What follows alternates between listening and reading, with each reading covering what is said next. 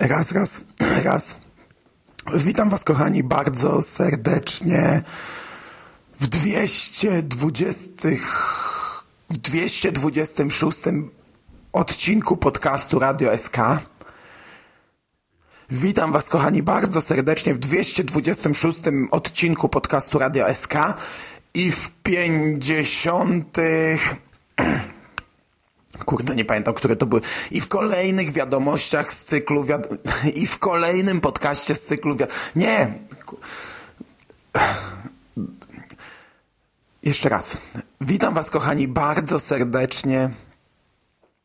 Niestety głos, jak słyszycie, a idź ta w cholerę, zresztą, dobra, przepraszam Was bardzo, kochani, nie ma dzisiaj odcinka, ja nie mam sił i mi się nie chce, nie chce mi się, nie chce mi się.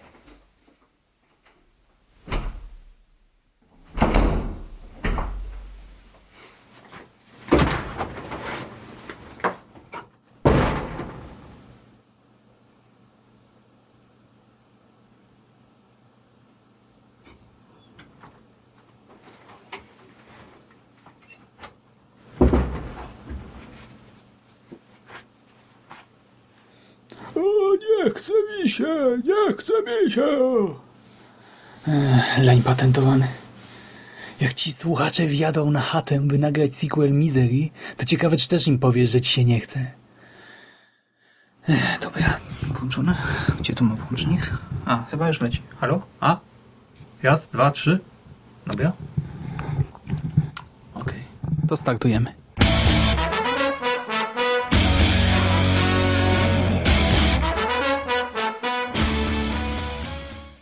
Witam Was, kochani, bardzo, bardzo serdecznie. W związku z tym, iż tydzień bez radia SK to tydzień stracony, informuję, iż tymczasowo przejmuję ten podcast. W końcu ktoś musi. I to najlepiej właśnie ktoś odpowiedzialny, doświadczony, jakiś profesjonalista. tak? I przejmuję ten podcast, by opowiedzieć Wam o powieści Richarda Bachmana pod tytułem Wielki Marsz. Już raz mogliście o niej posłuchać w Radiu SK, dokładnie w 78 odcinku. Wówczas to Mando i Dampf, czyli Grzesiek Labuda, krótko ją dla Was omówili. A dziś powracamy do tematu, przy czym ugryziemy go od trochę innej strony. Tak więc, jeżeli słuchaliście tamtej rozmowy, to pomimo wszystko ta mam nadzieję będzie dla Was także ciekawa. Znaczy, to nagranie będzie dla Was także ciekawe. Jeżeli zaś nie słuchaliście tamtej rozmowy, to zachęcam do nadrobienia jej. Nie jest długa, to 22 minuty. Wiecie, kiedyś nagrywaliśmy krótkie podcasty, więc warto ją nadrobić.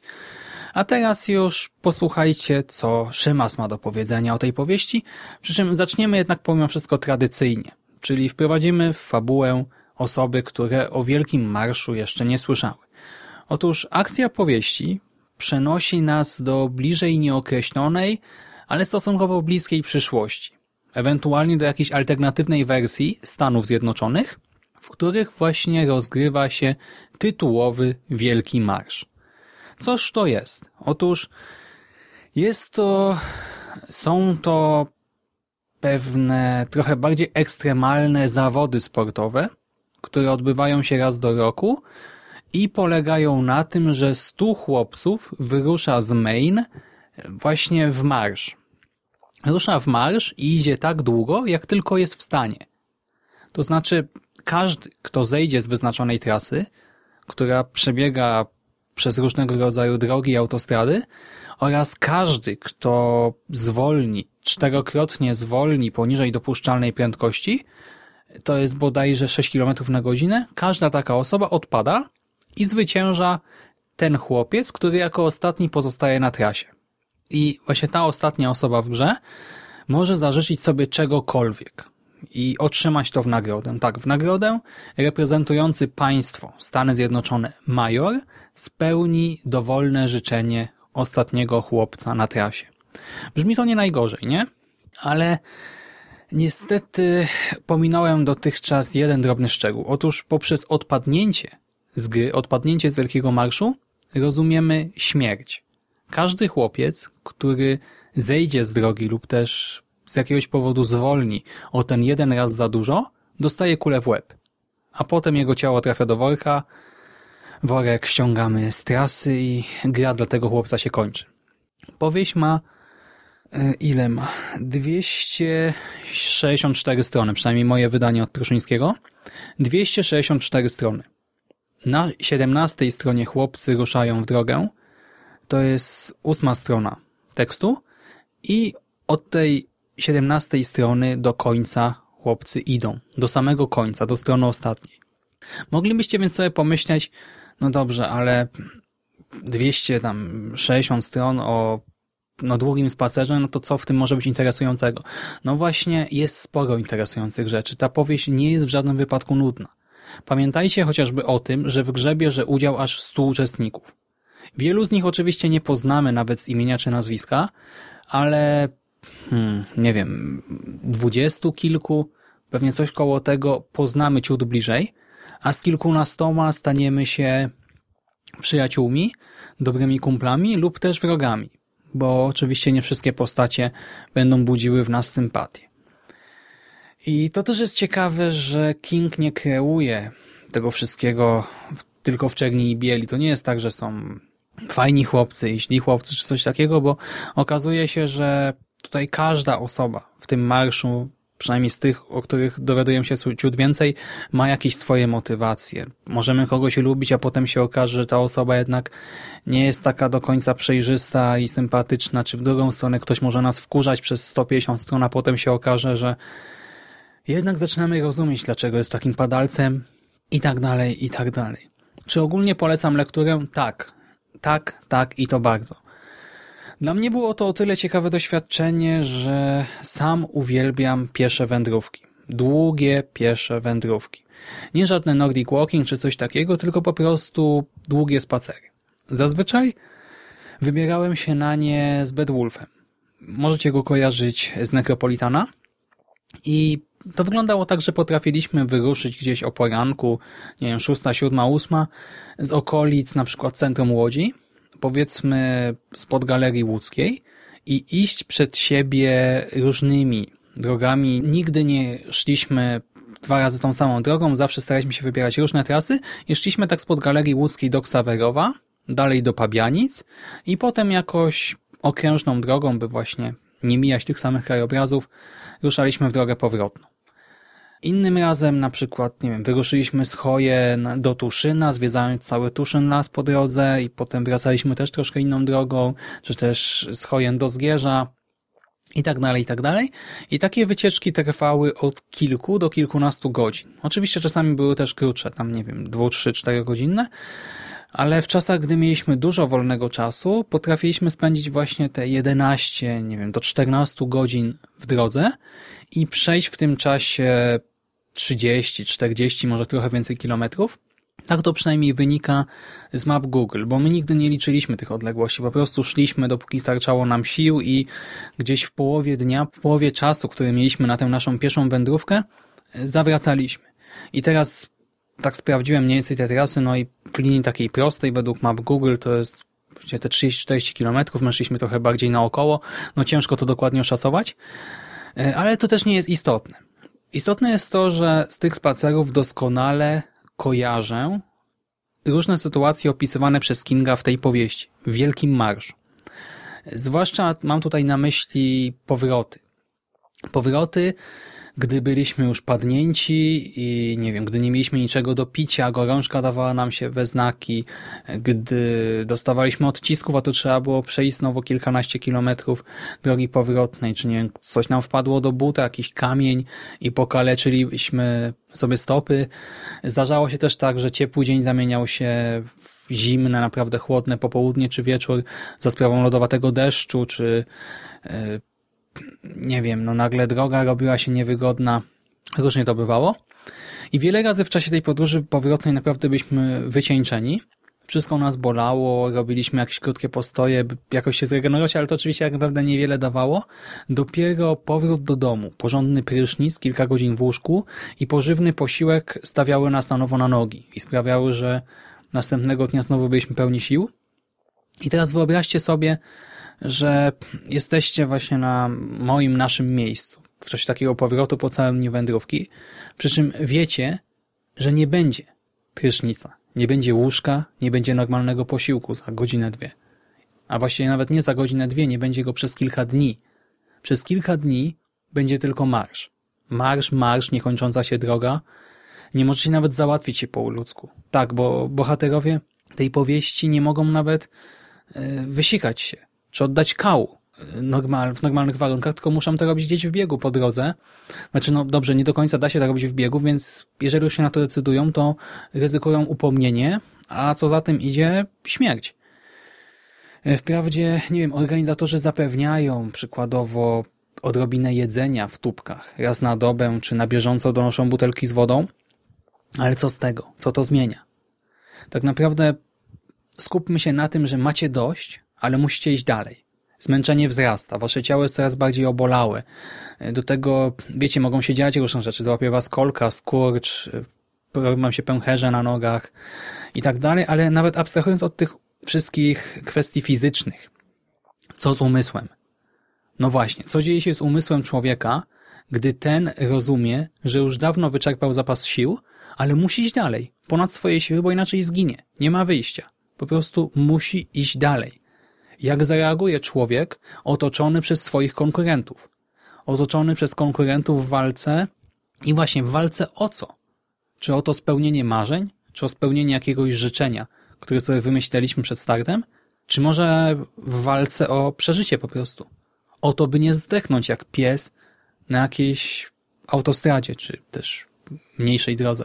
Czy w takiej sytuacji spróbowalibyście nawiązać przyjaźnie z innymi graczami, z innymi zawodnikami i właśnie nawiązać jakieś kontakty, może nawet nie przyjaźnie, ale jakieś kontakty, by nie zwariować po prostu? Czy może wręcz przeciwnie, może pielęgnowalibyście w sobie nienawiść? Z jednej strony po to, by dawała wam siłę do dalszej walki o wygraną, a z drugiej strony po to, by nie odczuwać wyrzutów sumienia, gdy inni umierają wokoło. No właśnie, czy rozmawialibyście z tymi wszystkimi innymi skazańcami niemalże wokół siebie? Czy może oszczędzalibyście oddech i siły? Czy gdybyście byli świadkami czyjegoś upadku? Czy gdybyście widzieli, że na przykład komuś wypada jedzenie, czy właśnie ktoś się potyka, ktoś prawie zasłabł, prawie wyleciał z trasy, czy pomoglibyście takiej osobie? Ryzykując upomnienie oczywiście, nie? Czy może przeszlibyście dalej? Obojętnie, nie reagując. To to wszystko jest cholernie skomplikowane, jak się tak nad tym zastanowić. I właśnie te i inne pytania stawia King, bo te pytania można mnożyć oczywiście, niemalże w nieskończoność. I King korzysta z tej mnogości bohaterów, rozpisuje najróżniejsze scenariusze i pokazuje najróżniejsze reakcje na tę czy inną sytuację. I tak jak powiedziałem, tutaj nie ma takiego podziału na dobro i zło, na tych fajnych i tych niefajnych, bo to jest wręcz niemożliwe, tak? To jest zbyt skomplikowana sytuacja, by móc tutaj tak to wszystko dzielić. Tak naprawdę, gdy ja wam zadaję te pytania teraz, to zastanówcie się, czy na pewno byście zaryzykowali. Nawet osoby, które z natury są takie ofiarne, skoro do pomocy. Czy w takiej sytuacji rzuciłyby się z pomocą komuś, zwłaszcza gdy na przykład miałyby już te swoje trzy ostrzeżenia i kolejne groziłoby śmiercią? No właśnie, nie wiadomo.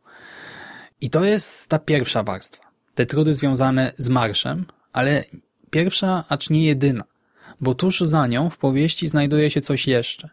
Coś, co przez wielu czytelników i recenzentów jest jakoś strasznie podkreślane, a moim zdaniem to jednak jest trochę bardziej w tle. Ale, znaczy w tle, no, na drugim planie powiedzmy, a chodzi o wątek podglądactwa.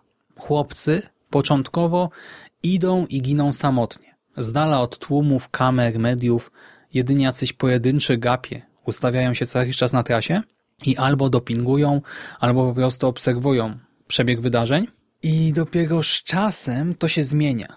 Gdy z czasem wzrasta śmiertelność na trasie, to wraz z tym wzrostem śmiertelności pojawiają się też większe skupiska widzów, jakieś media i tak dalej. I właśnie ten aspekt medialny, wojerystyczny sprawia, że wielu czytelników mówi o Wielkim Marszu jako teleturnieju. Ja się z tym nie do końca zgadzam, bo dla mnie to nie jest teleturniej, ale to też nie jest istotne. Bo powiedzmy sobie, że oglądanie zawodów sportowych i teleturnieju nie różni się jakoś mocno od siebie. Tak samo transmitowanie obu tych wydarzeń, jakiegoś programu telewizyjnego, reality show i sportu, meczu, wyścigu, to też nie różni się jakoś mocno od siebie. Poza tym To wszystko nie jest istotne. Istotne jest to, co pokazuje nam King poprzez tych właśnie gapiów, a pokazuje nam rzeczy naprawdę obrzydliwe. I to nie jest obrzydliwe w znaczeniu, nie wiem, że widzimy jakieś właśnie fekalia, odchody, nie wiem, żegowiny, flaki, coś takiego. Nie, nie. Te sceny, które King tutaj rozpisuje, są obrzydliwe etycznie i moralnie. Są to sceny, w których gapie odczuwają prawdziwą schadenfreude, obserwując chłopców. To znaczy taką przyjemność z oglądania cudzego cierpienia. I to naprawdę jest chore. To jest ostro porąbane. Gdy, znaczy, to może jak się po prostu na to spojrzy, jako na fragment tekstu, to, no to jest zwyczajny fragment tekstu. Ale czasem takie trzy zdania na krzyż, z których wynika, że ludzie czekają, aż któryś z chłopców uzyska czwarte ostrzeżenie i dostanie kulę w łeb, albo czekają na to, aż właśnie, nie wiem, ktoś zwariuje, ktoś się potknie, ktoś będzie musiał się załatwić w biegu i czerpią przyjemność z tego wyczekiwania i oglądania, gdy już do tego dochodzi, no, no to nie jest normalne ani przyjemne dla czytelnika, gdy się tak nad tym zastanowi, nie? I w takich momentach myślę, że przeciętny czytelnik popuka się w głowę i pomyśli absurd, no przecież to jest nienormalne. Ale zastanówmy się teraz, czy aby na pewno. Bo czy nie oglądamy na przykład walk bokserskich, czy pojedynków MMA i czy te najbardziej brutalne walki bokserskie, czy pojedynki MMA nie cieszą się największą popularnością? czy ludzie nie wiwatują najgłośniej, gdy właśnie po ringu rozlewa się krew, gdy ktoś pada nieprzytomny na ziemię i jest okładany jeszcze dalej przez drugą osobę w amoku. No właśnie, czy idąc dalej może w inne rejony, czy na przykład filmiki przedstawiające różnego rodzaju wypadki, samochodowe, sportowe i inne nie cieszą się ogromną popularnością na YouTubie? Czy właśnie nie mają po prostu tysięcy milionów wyświetleń? czy dalej, czy Eurosport nie emituje masy takich filmików? Wiecie, może gdy oglądamy Eurosport i patrzymy na kogoś trafionego piłką, wypadającego z bobsleja, nie wiem, spadającego z konia, wywracającego się na nartach, wjeżdżającego rowerem w bandę czy coś takiego, no w tle leci jakaś tam głupia muzyczka, no to my się uśmiechamy, tak, cieszymy się, ale powiedzmy sobie szczerze, czy to nie jest trochę też nienormalne, bo Wątpię, by ktokolwiek z nas chciałby przeżyć coś takiego na żywo. Każdy, kto zaliczył właśnie jakiś upadek na nartach, e, wjechał rowerem w ścianę, nie wiem, dostał piłką w głowę, wie, że to nie jest szczególnie przyjemne uczucie, a my patrzymy na coś takiego i się cieszymy. No, jakby się tak nad tym zastanowić, to normalne to to nie jest. I przechodząc może bardziej w kierunku teleturniejów, niedawno oglądałem przypadkiem fragment odcinka The Voice of Poland. To jest taki teleturniej dla młodych piosenkarzy, a czy młodych, no, nieznanych piosenkarzy. I widziałem tylko jedną sekwencję. Wyglądało to tak, że wypuszczono trzy dziewczyny na scenę. Ale to było tak, jakby je wypuszczono na arenę, ubrano je w ciuchy od sponsora i kazano im śpiewać. Niby śpiewały razem, ale jednak chodziło o to, by każda pokazała się jak najlepiej, więc troszkę jednak przeciwko sobie. I potem dwie miały odpaść, a jedna przejść dalej. W bardzo, bardzo teatralny sposób prowadzący budowali napięcie po tym występie i wiecie, powtarzali jak, jaki to istotny moment, że teraz te dwie to po prostu pójdą na spalenie, a dla tej jednej otworzą się drzwi do wielkiego finału, czy gdzieś tam być może do kariery, bla, bla, bla. I to też jest w gruncie rzeczy dziwne. Dlaczego my chcemy na to patrzeć? Przecież to nie jest normalne. To jest sztuczne, nienaturalne i nieprzyjemne w gruncie rzeczy. Ale to, to też jeszcze nic takiego. Najgorsze było to, że na ekranie widziałem te trzy dziewczyny i na ich, znaczy one były w tle, a na to nałożono sztucznie obraz jakiegoś serca czy czegoś takiego, jakieś tam grafiki i podawano bodajże tętno i ciśnienie tych dziewczyn na żywo.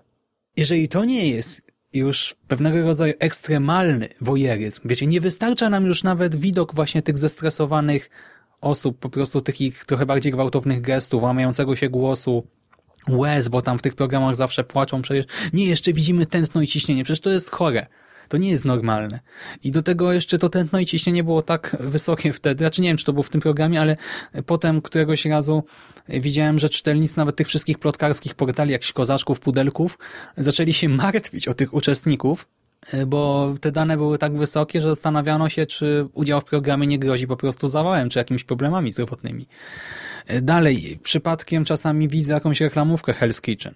Nie znam tego programu, ale po, na sam widok reklamówki krew mnie zalewa i jedyne, z czym mi się ten program teraz kojarzy przez te reklamówki, to krzyki, płacz i tłuczone talerze, spadające sztućce, coś takiego. No to chyba nie jest normalne. I ja mam wrażenie, że ogólnie duża ilość tego, co jest transmitowane w telewizji, te wszystkie teraz też e, te wiecie, te paradokumenty, dokumenty fabularyzowane, tam też oni cały czas krzyczą, płaczą, kłócą się, oszukują, kłamią. Ja mam wrażenie, że za każdym razem, gdy przypadkiem gdzieś natknę się na scenę z tego, to tam zawsze jest jakiś ogromny konflikt, jakieś zło się czai i po prostu wszyscy są wredni, nieprzyjemni, straszni. No i teraz ktoś może mnie zapytać, Szymas, co ty pierdzielisz? Co ma piernik do wiatraka? Przecież w TVP, czy w tym, w tej piekielnej kuchni nikt do nikogo nie strzela, tak, nikt nie traci życia, więc daj sobie spokój, tak? Zluzuj gościu. Ale zobaczcie, to nie chodzi o to, że tam do siebie nie strzelają. Bo przecież to nie jest tak, że King pisząc Wielki Marsz martwił się, że za tam, nie wiem, 50 lat ludzie będą do siebie strzelali w telewizji, czy na zawodach sportowych, czy coś tam. Nie. King stworzył dystopię a dystopia z definicji hiperbolizuje negatywne zjawiska. To jest wizja przyszłości, która wynika z krytycznej oceny teraźniejszości, z krytycznej oceny dokonanej przez autora i wizja ta wyolbrzymia pewne problemy. Czyli to nie jest tak, że właśnie King wierzył, że kiedyś zaczniemy do siebie strzelać na potrzeby właśnie po prostu rozgrywki, że powstanie nowe koloseum, będziemy mieli walki gladiatorów tylko, nie wiem, z SMG w użyciu. Nie. Chodziło tylko o pewną tendencję właśnie do tego wojeryzmu, schadenfreude i tak dalej, i tak dalej. I abstrahując nawet od telewizji, sportu i tego typu rzeczy, to tak się zacząłem zastanawiać, czy całe nasze życie nie przypomina czasem wielkiego marszu. Takiego wyścigu szczurów, w którym tracimy zdrowie, siły, czas, może i życie w pogoni za jakąś ułudą. I tak naprawdę w pewnym momencie zapominamy Dlaczego wzięliśmy udział w tym wyścigu? Zapominamy, co było naszym celem, jakie życzenie chcieliśmy spełnić, a po prostu chcemy przetrwać, chcemy dotrwać do końca. I naprawdę, wiecie, to może teraz brzmi tak jakoś apokaliptycznie czy coś, ale gdy zastanawiam się nad tym na przykład, jak wygląda zdobywanie punktów na uniwersytetach, do jakich absurdów to wszystko prowadzi, jak e, wygląda próba zrobienia kariery na uniwerku w dzisiejszych czasach, czy też jak wygląda dążenie do awansu, w znanych mi firmach czy korporacjach, no to serio zastanawiam się, czy ta dystopia Kinga po części się nie sprawdziła. Oczywiście, jeżeli chodzi o te zasady Wielkiego Marszu, e, tę taką metaforę właśnie wyścigu szczurów, nie mówię o strzelaniu do siebie. I tutaj dochodzimy do jednej rzeczy, która jest dla mnie dość problematyczna w książce, czyli do motywacji uczestników marszu.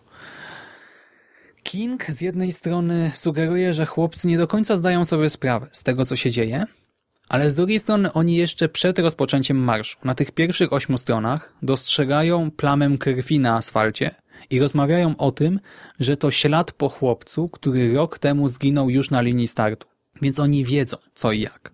I właśnie wiele osób sugeruje, że tak nie jest, że oni nie wiedzą, co się stanie i w ogóle. Moim zdaniem to nieprawda. Oni wiedzą, co się może stać. Przynajmniej ogromna większość uczestników doskonale wie, co i jak. Problem polega na tym, że to chłopcy, to młodzi chłopcy, którzy nie dostrzegają ryzyka, nie zdają sobie sprawy e, z tego, jak wysoka jest ta stawka. Wypierają to wszystko ze świadomości, ewentualnie wmawiają sobie, że wygrają, że oni są najlepsi, tak, że przecież są silni, sprawni i tak dalej. Dla części to jest zabawa, niebezpieczna, ale jednak zabawa. Dla części to jest wyzwanie, jakaś próba, i to też jest przerażające, ale powiedzmy sobie szczerze, czy jako dzieci nie robiliśmy wielu niebezpiecznych, czy też głupich rzeczy? Robiliśmy, bo tak działa jakoś młodzieńcza, dziecięca psychika. I myślę, że tutaj mamy z czymś podobnym do czynienia. I to też jest bardzo przerażające. I cała ta wizja jest ogólnie niesamowicie smutna. Niesamowicie smutna, jednak nie pozbawiona optymizmu. Odrobiny optymizmu, odrobiny nadziei, bo okazuje się, że nawet w obliczu śmierci, nawet na trasie Wielkiego Marszu znajdzie się czasem miejsce na akty miłosierdzia, wsparcia, przyjaźni czy na jakiś żart. Nawet tam pozostaje ta cząstka ludzkości, humanitaryzmu. I to jest piękne w tym wszystkim. Ogólnie polecam zapoznać się z tą książką. Wszystkim. Wszystkim, wszystkim, wszystkim. Jednak tutaj jedna drobna uwaga. W sieci spotkałem sporo bardzo pozytywnych recenzji, wiele ocen 10 na 10 i ogólnie wiele opinii spółki ta książka jest doskonała. Ja się z tym nie zgadzam. Ale już wyjaśniam o co chodzi i nie chcę krytykować, co też za chwilę wyjaśnię, ale ta książka nie jest doskonała. Ona nie jest doskonale napisana.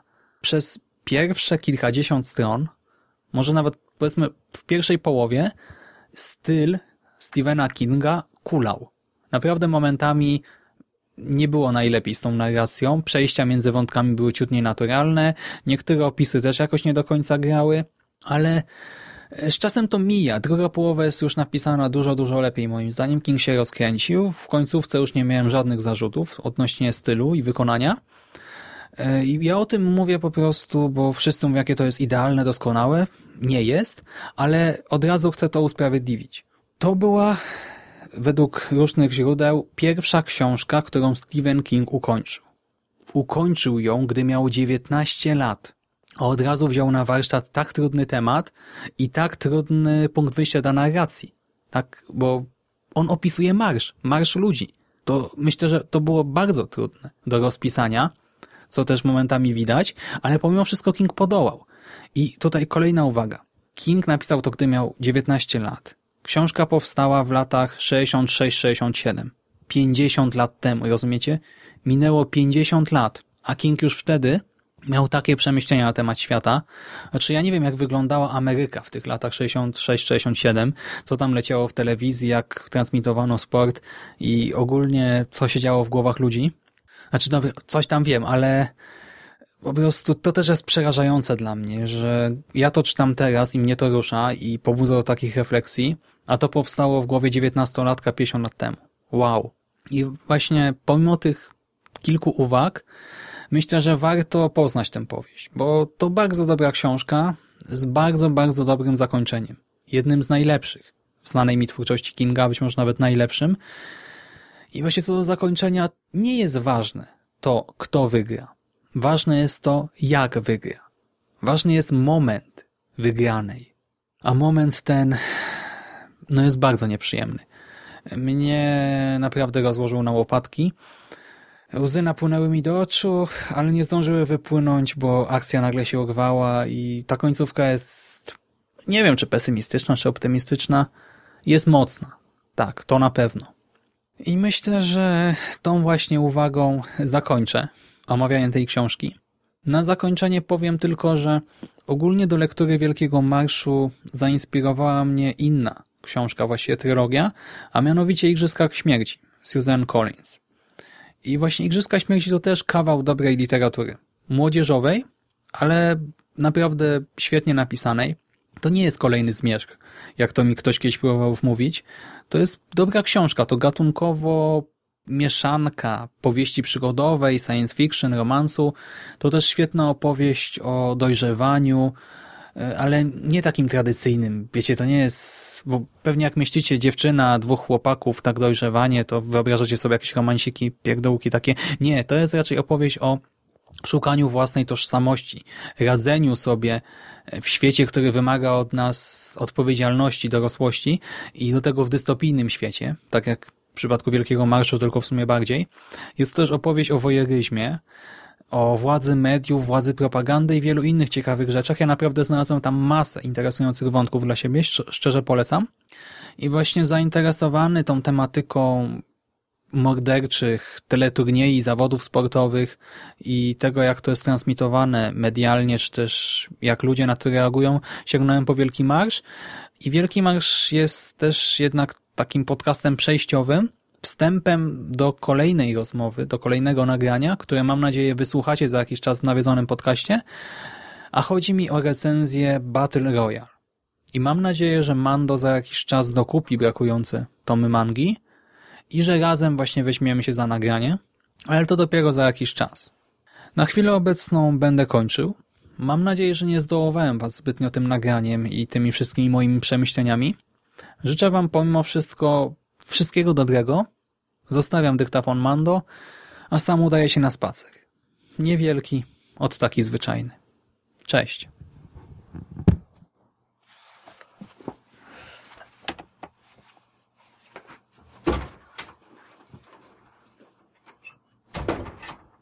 Bodzia, chodź, idziemy.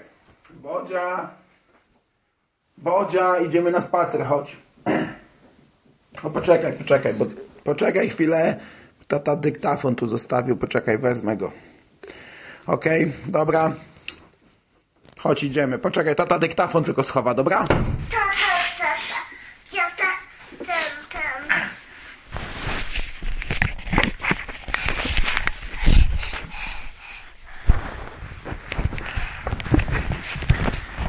Aha, ju, pa. How do you do? Mama, how do you do?